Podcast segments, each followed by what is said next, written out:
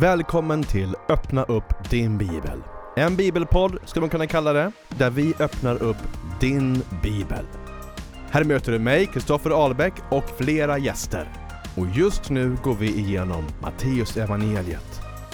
Vill du ha mer information? Ja, då ska du gå in på www.kingsgarden.nu. Och vet du vad? Du kan även se och följa med detta på Facebook och på Youtube. Vet ni vad? Nu kör vi!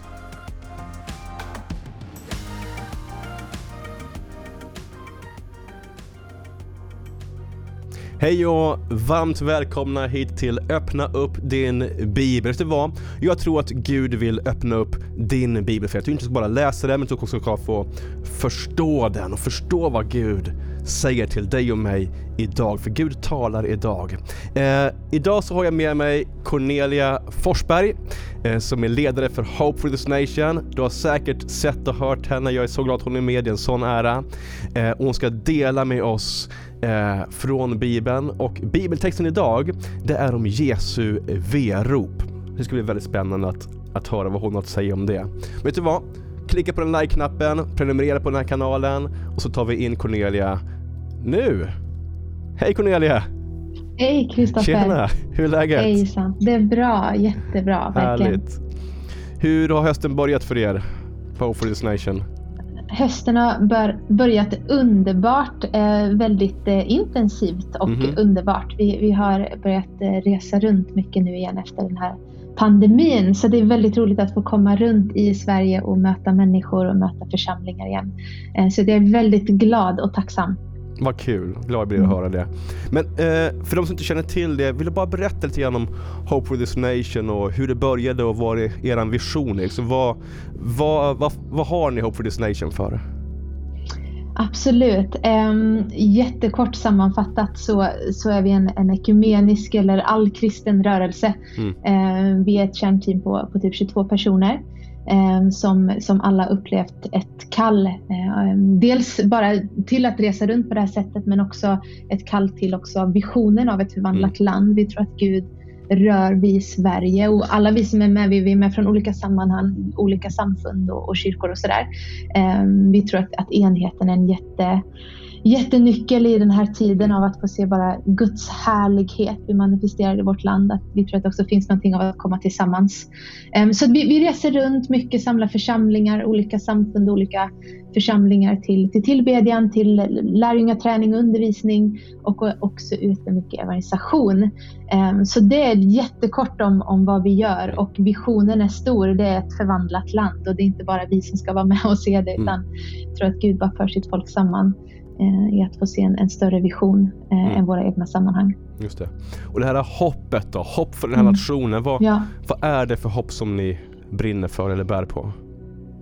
Eh, Alltså hoppet är- för nationen är vi övertygade om att det är, är Jesus. Eh, Och vi tror också att det finns någonting av som Gud faktiskt väcker i sin, sin församling i Sverige nu som, som faktiskt är att det finns hopp för den här nationen. Att det inte är en sekulariserad nation som så många undersökningar kanske har sagt eller visat tidigare av att faktiskt tro att Gud vill röra vid den här nationen eh, igen eh, och faktiskt resa upp. Vi tror Gud om en väckelse, andeutgjutelse. Så jag tror att det är någonting också bara det där hoppet som Gud också vill väcka i våra hjärtan. Av Yes. att se på vår nation och våra sammanhang inte som omöjliga, omöjliga fält.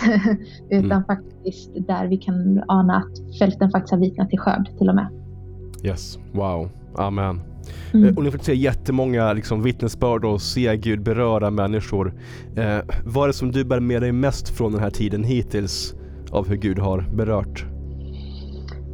Åh, det finns så, så jättemycket att säga. Men, men jag skulle eh, säga att det har varit att se människor som, som har levt med Jesus under, under många år, kanske sedan barnsben, men som, som plötsligt får ett, ett nytt möte med, med honom själv. En, där han väcker på nytt en liksom första kärlek i människors hjärtan och man får se att, att den här tron som vi har, hur den plötsligt får sånt liv. Hur det plötsligt bär ut någonting nytt i människors liv där man, fast man har gått med Gud under väldigt lång tid och ser den här faktiskt det som är väckelse. Som jag tror är också väckelse för oss som redan tror. Yes. Eh, och det har varit så fantastiskt att se bara på plats efter plats hur Gud får en förnyad tro Wow. Um, ut i det som, som Gud har för dem. Halleluja, amen. Mm. Så kul. Mm. Men Cornelia, vi ska läsa Bibeln nu. Yes. När började du läsa Bibeln första gången? Alltså, jag var nog väldigt, väldigt lika. Min, min mamma har läst barnbi, barnens bibel eh, mm. för mig sedan jag var så liten som jag minns. Men wow. jag anar att jag fick min första, första bibel någon gång kanske i alltså 10, 11, 12 års åldern där någonstans. Där jag fick mm. en, inte en, bara en barnens bibel utan en, en, en vanlig bibel så att säga. Eh, och, och sen dess så har det varit en, en resa för mig att, att få det att bli någonting regelbundet i mitt liv. Men mm. eh, för ett, ett gäng år sedan nu, jag har levt med Bibeln, gått bibelskola och, och levt och jobbat i församling och sådär där Bibeln är en självklarhet. Mm. Men där det för kanske sex sex år sedan eh, i samband med, med bara ett förnyat möte med Gud där ordet blev så levande för mig och där det sedan dess har varit eh, det här är ju en livsnödvändighet i våra liv och det blir så påtagligt när man lär känna ordet och man inser att det inte bara är saker jag läser utan det är hans egen röst som jag mm. får höra. Så blir det väldigt intressant att läsa Bibeln. Så jag har läst Bibeln hela mitt liv men, men de senaste sex, sex åren så har det varit med en, en takt som jag inte hade innan. typ så. Härligt. Om man vill läsa Bibeln regelbundet, har du mm. något tips på hur man ska komma in i det? Att det inte bara blir sporadiskt men att man kanske läser Bibeln varje dag. Så hur ska man komma in i det? Har du något tips? Um, jag tror att det är eh, det här kanske knappt låter som ett tips, men det är att bara börja göra det. Mm.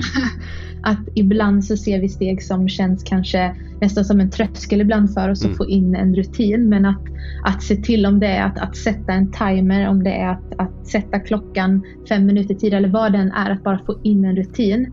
Eh, och hellre att börja läsa två ord än att inte läsa alls. Mm. Eh, så att om det så är att, att första steget är att men jag läser en halv vers varje morgon så, så kommer det där också bara öka vår hunger mm. efter att, att läsa mer och, och, det där är den helige Ande som tar hand om. Men, men ibland så tror jag det bara är vårt eget steg att yes. börja göra det. Jag lyssnade på en missionär en gång som bara sa, eh, som, som pratade om det här att, att vi är för trötta på morgonen för att gå upp och läsa Bibeln. Mm. Eh, och hennes respons var korsfäst ditt kött och gå upp. eh, så, så, jag tyckte wow. det var en härlig respons Boom. också på, eh, det utmanade mig att ibland så faktiskt mm. är det att att bara bestämma sig för att det här ja. vill jag prioritera på det sättet så att jag, jag väljer eh, att lägga min tid efter det. Yes. Men ska vi börja läsa Bibeln då? Eh, vill du be yes. för oss och sen läsa texten för idag? Japp. Oh, tack, tack Jesus för vem du är. Eh, vi tackar dig för att du är herrars herre, du är kungars kung.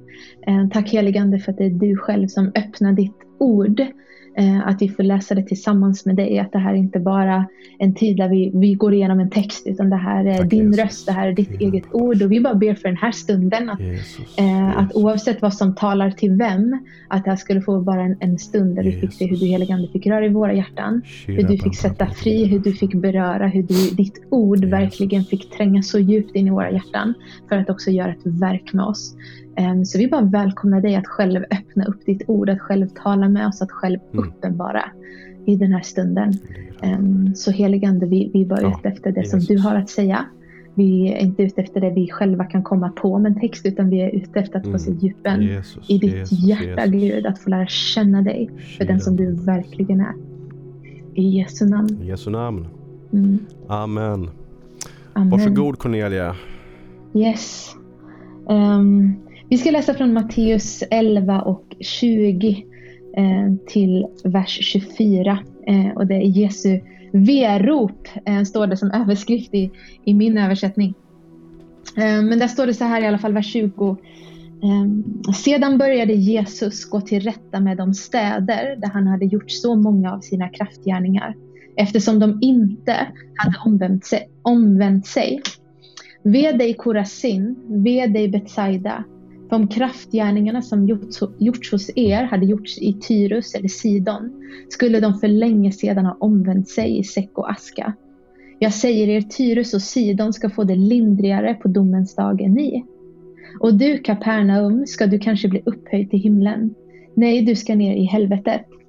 För om kraftgärningarna som gjorts i dig hade gjorts i Sodom skulle de ha stått än idag. Men jag säger er, Sodoms land ska få det lindrigare på domens dag än du. Amen. Amen. Boom. Amen. Yes. Jag kör. Du, du bara köra. jag kör. Det här var Tack. inte psalm 23 direkt. Det var inte psalm 23. Eh, och jag vill bara börja innan mm. jag tar några minuter här och bara dela några tankar och några saker som jag upplever att Gud har lagt på mitt hjärta för, ja. de, för den här stunden. Bara dela det också till, till er som är med av att, att ibland när vi möter texter som vi upplever att oh, de här var lite tyngre eller det här kommer med en med kanske med förmaning eller det talar om dom och vi inte riktigt kanske vid första anblicken alltid förstår eller vet hur vi ska förhålla oss till en text. Att aldrig bli rädd för en bibeltext på det sättet av att vi hoppar över eller att vi väljer ut andra passager. För att min övertygelse är att vi kan få bli kvar i en text och säga till den helige Ande att helige Ande uppenbara det här för mig.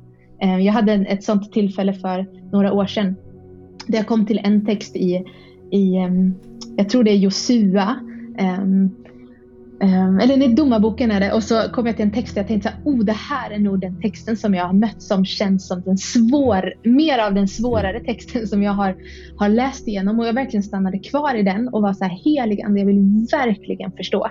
Jag vill verkligen förstå ditt ord. Um, och sökte Gud kring en viss text.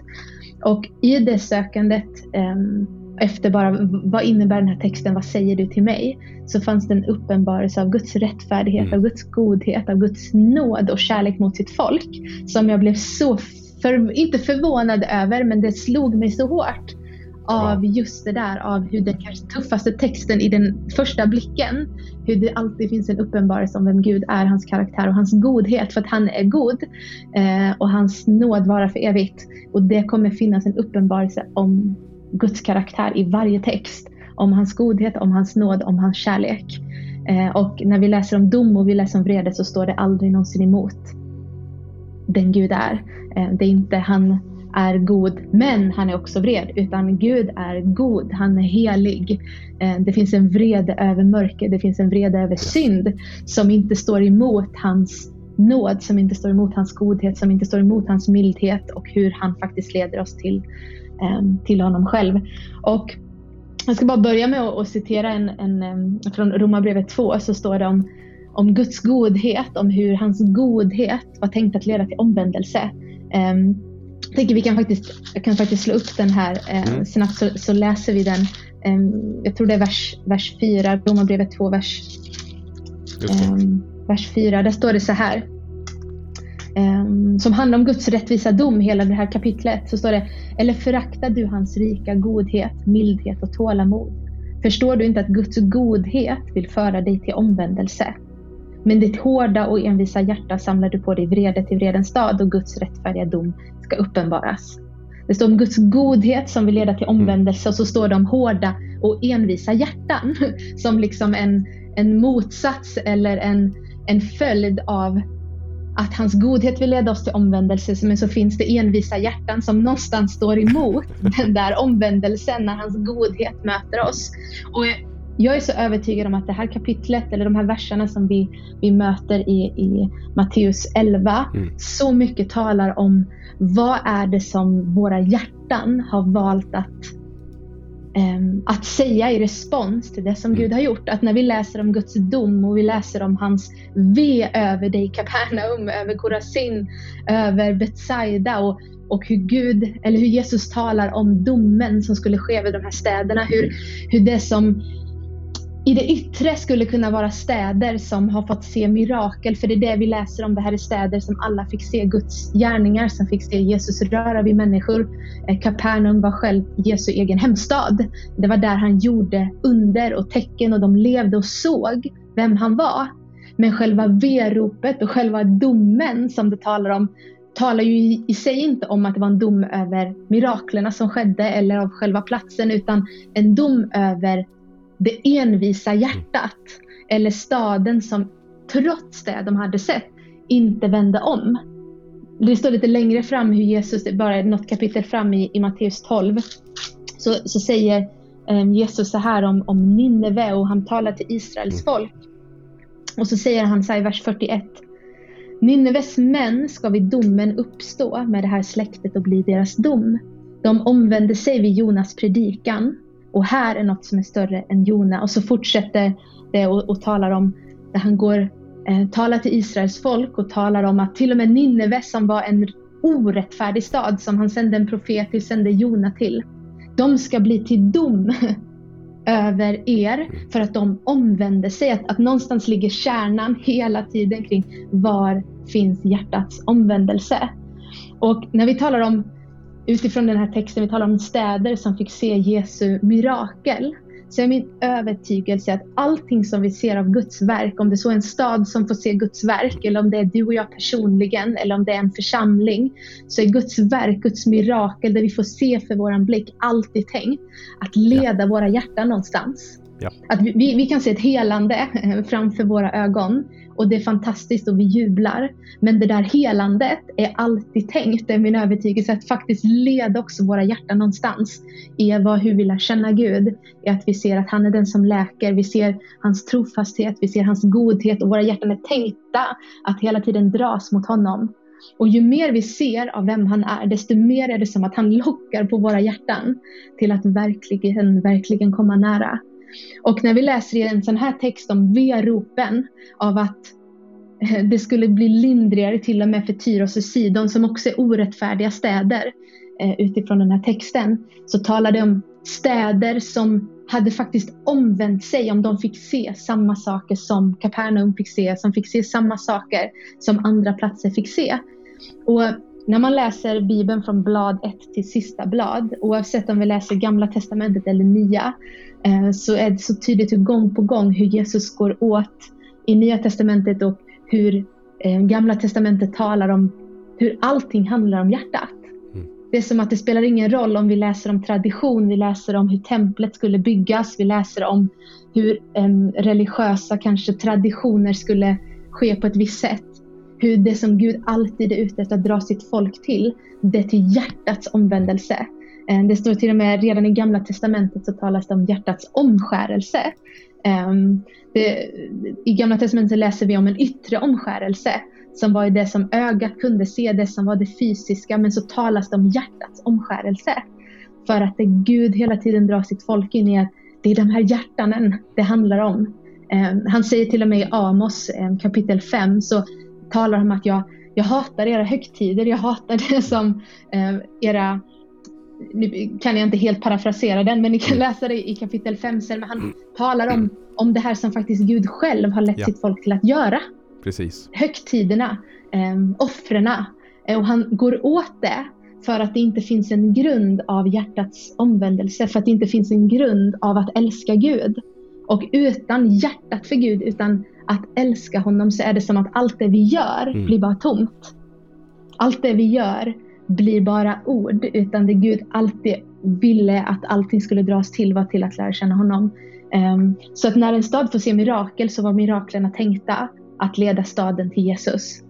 Um, när mirakel sker i våran mitt så är det tänkt att peka på vem han är. Så att människor skulle komma till honom. Um, jag tycker det finns en fantastisk berättelse eh, om, om Petrus. Vi, kan titta på den i Markus, eh, Lukas 5. Eh, och det, det, är en välkänd text och den är Jesus eh, ute på vattnet med, eh, med, med Petrus. Och det är vid första mötet med, eh, med Petrus, eller en av de första mötena. Och, och, och de har varit ute och fiskat och de har inte fått någon, någon fångst. Och så säger Jesus till, eh, till Simon Petrus att, att kasta nätet på andra andra sidan, gå ut och lägg det på, på djupet. Um, och så säger Petrus att jag ska göra det på ditt ord, så ska jag lägga ut näten. Och så om gör det som Jesus säger och så blir konsekvensen eller blir ett mirakel av att båten fylls eh, med fisk så att det håller på att till och med få näten att gå sönder. Och så står det så här i vers 8 och jag tänker bara att det är en sån underbar respons från Petrus mm. som säger någonting om någonting, som, någonting annat än det vi läste i Matteus 11. Ehm, där Simons, Simon Petrus respons till det Gud gör är det här. När Simon Petrus såg detta föll han ner vid Jesu knän och sa Gå bort från mig Herre, jag är en syndig människa. Han och alla som var med honom hade gripits av bävan inför fångsten de hade fått. Även Jakob och Johannes, Sebadeus söner, som fiskade i lag med Simon. Men Jesus sa till Simon, var inte rädd. Från och med nu ska du fånga människor. Då drog de upp båtarna på land och lämnade allt och följde honom. Ja. Här har vi en helt annan respons. Um, där Jesus gör ett enormt mirakel och för oss är det ett enormt mirakel för att det kom massa fisk. Men för en, en som var fiskare så var det här också ett, en, ett mirakel i försörjning. Oh, ja. Det var mirakel, det var, talade till djupet av hans hjärta i på vilket sätt som Jesus försåg Mm. efter en natt utan fisk. Ehm, och det som har, har gripit mitt hjärta så djupt i den här texten är inte bara Simon Petrus respons i att han faller ner vid Jesu fötter. Det är direkt en respons att jag ser att du gör det här och min respons är att falla ner inför dig. Det står att han till och med i slutet av den här texten lämnade allt för att följa. Och för mig har det varit en sån här, men det innebär ju att han till och med var beredd att lämna fångsten han hade fått. Till och med miraklet som Jesus hade gjort var han beredd att lämna. För att han hade mött Jesus. För att han hade förstått vem han var. Ehm, det står i psalm 34 och vers, vers 18-19 där någonstans så står det att Gud är nära de som har förkrossade hjärtan och nära de som har en bedrövad ande. Att det finns någonting i vår respons alltid gentemot Gud som är när hjärtat liksom blir mjukt, när hjärtat omvänds mot honom, när hjärtat blir liksom förkrossad inför den han är.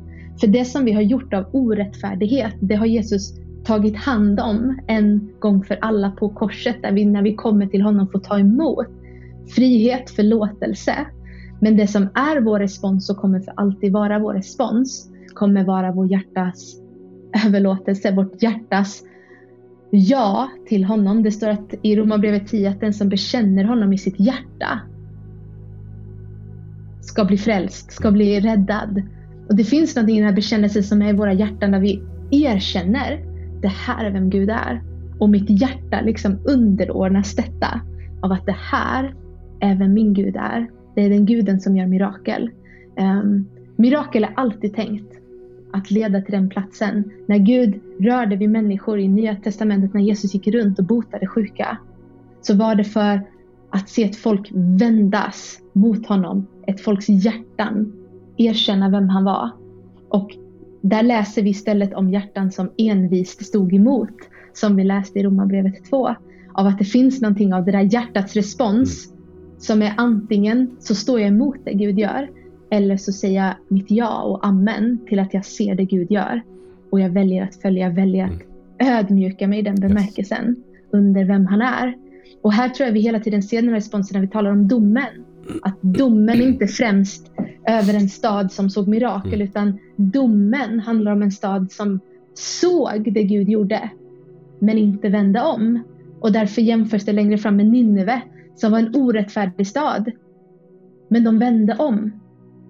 De var hedningar, de var inte en del av Israels folk men de vände om. Och ödmjukade sig i säck och aska står det.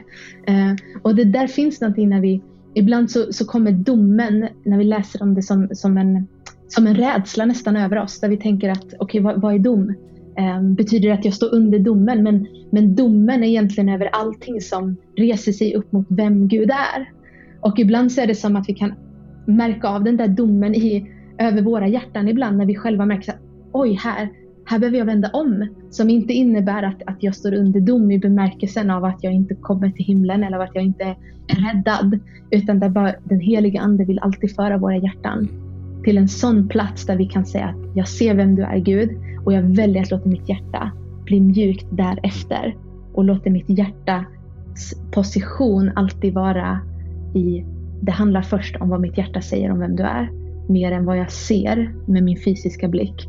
Um, så, att, så att någonstans att, att läsa den här texten utifrån vad var miraklerna tänkta att göra. Den var tänkt att leda en stad till omvändelse. Och vad, vad är det Jesus går åt? Han går åt hjärtats Mm.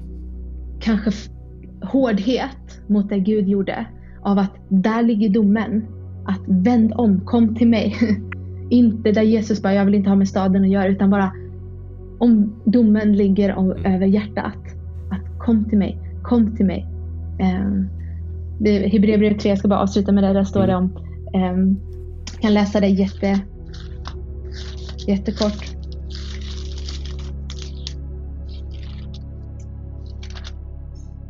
där står det så här, vers 7, Hebreerbrevet 3, vers 7. Eh, så står det, därför säger den helige Ande, idag om ni hör hans röst, förhärda inte era hjärtan. Eh, idag om ni hör hans röst, förhärda inte era hjärtan. Och det här är en bibelpassage som har eh, sporrat mig faktiskt jättemycket till att varje gång jag hör Guds röst, att be Gud om ett sånt typ av hjärta som säger att istället för att stå emot det han säger på, på ett enda sätt, att säga att jag säger mitt ja och amen till det du säger och inte låter mitt hjärta bli hårt. Att om den helige Ande talar idag, låt våra hjärtan ha den positionen att Gud, jag vill ha det mjukt inför dig och följa dit du säger. Det, det är att ha ett mjukt hjärta. Och ett yes. hårt hjärta är när vi står emot det han, han säger. Och, och det är ingen fara, ibland när vi har stått emot så, så bara säger vi förlåt. Och så fortsätter han att leda oss. Eh, det är inga, inga konstigheter. Eh, men det är på det sättet som han leder oss och det är på det mm. sättet som, som eh, våra hjärtan är tänkta att vara i position mot vem han är. Yes. Amen. Amen. Amen på det. Tack så mycket Cornelia. Vilket starkt ord. Tack att du la ut det och bara delade med oss de här bitarna. Mm. Uh. För det är som du sa, man kan bli ganska jag tänker på det, ibland så kan man bli rädd för ett ord. Bara, Osh, aj, det där gör ont och det här, kan vi, det här ska vi hoppa över. Liksom det, ja, han säger det men inte så mycket att säga här. Och sen så kanske är de här hårda orden som man kan tycka till, till en början är ganska hårda. Och kanske är det de som, ord som är som djupast och härligast. Och att just frukten av dem, när jag får mm. landa i ett sånt ord så blir jag så mycket mer befriad till ja. någonting bättre. Ja. Och jag tycker det är starkt. Och att, jag tycker att du liksom verkligen fick ut just det eh, ur det här ordet. Så tack så mm. mycket eh, Cornelia. Verkligen. Så, så viktigt att kunna bemöta vrede och dom ja. på ett sätt som faktiskt är Guds hjärta. Eh, yes. Och verkligen låta honom vara den mm. som undervisar oss om på vilket sätt är det mm. han... För, att då, för det står i, i, i psalm 119 så står det att hans domar är ljuvliga. Ja. Eh, så, så, att någonstans måste det finnas den där upptäckten för oss att Guds domar ja. är ljuvliga. Och så länge det inte känns som att de är det eh, så finns det någonting vi behöver upptäcka om hur god han är och förstå hans karaktär.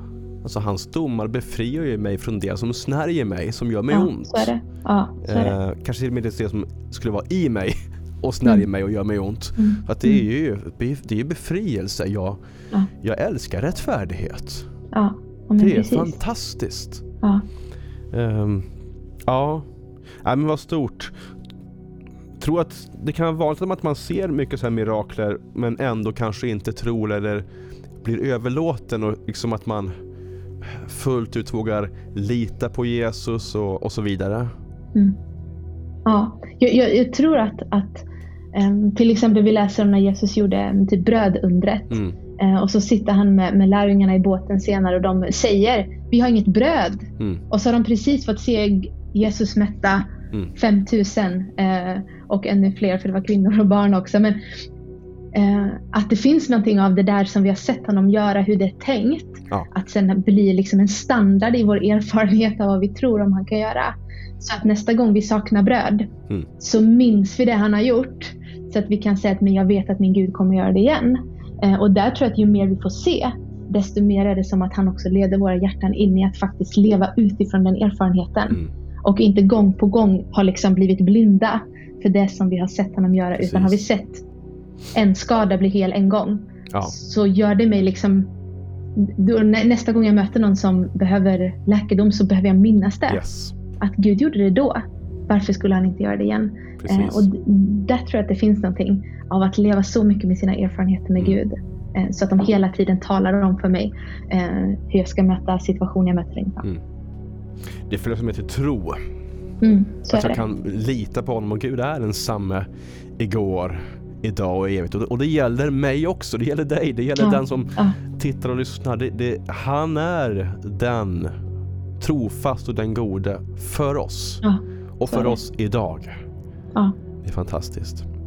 Amen. Han är underbar. Ja. Härligt. Vill du bara kort be för den som tittar eller lyssnar? Absolut. Innan vi Jättegärna. slutar för mm. den här gången. Mm. Tack Jesus. Gud, jag tackar dig för, uh, för vad du gör. Eh, tackar dig för vad du yes. gör i den här stunden. Och jag ber att du skulle på alla områden i, i våra liv bara upprätta en sann gudsbild. Eh, om det finns på något sätt där vi har bemött vissa delar kanske av ditt ord eller eh, kring kring vissa ämnen som vi har liksom fått en bild av vem du är som faktiskt inte stämmer överens med med din karaktär som inte stämmer överens med ditt ord. Så bara ber jag den här stunden att du skulle låta det rasera och istället bygga upp vad som verkligen är sant. Ber att vi skulle få bli så präglade i vår mm. eh, bild av vem du är, att du verkligen är god, att din nåd verkligen varar för evigt och att vi skulle få läsa ditt ord utifrån den vetskapen av hur mycket mm. du älskar. Ber att du skulle undervisa oss om vad rättfärdighet, ett liv i helgelse av, av dom, eh, hur ljuvliga dina domar är, att du skulle uppenbara förklara för oss vad det verkligen innebär. Eh, be för var som, som lyssnar och kanske bara hört det här med mirakel i den här stunden. Eh, ber att du skulle komma med läkedom. Eh, vi har bara pratat om mirakel och bara ber om mirakel in i, i kroppar, in i vår fysisk hälsa där människor brottas just nu. I ditt namn Jesus så talar vi läkedom. Um, be att du skulle också tända en brand i våra hjärtan yes. av förnyelse för ditt ord och för ny kärlek mm. till dig Jesus. Um, amen. Amen. Halleluja. Stort tack Cornelia. Tack Kristoffer. Tack för att jag fick vara med. Jättekul. Vi älskar mirakler ja. och vi älskar att få se Jesus. Ja, så är det. Amen. Det är allt för oss. du, lycka till ja. hösten som eh, kommer här. Uh, spring för Jesus. Ni gör ett sånt fantastiskt jobb. Tack Kristoffer, uh, detsamma. Gud välsigne dig. Och ja. Gud välsigne dig där hemma eh, som lyssnar eller tittar. Herren är med dig. Öppna upp den där bibeln. Gör som Cornelia sa, bara, bara börja och Gud kommer tala till dig. Man kommer också tala, han kommer tala genom dig. Eh, du är fantastisk min vän. Gud välsigne dig. Mm. Så hörs vi snart igen. Hej då. Hej då.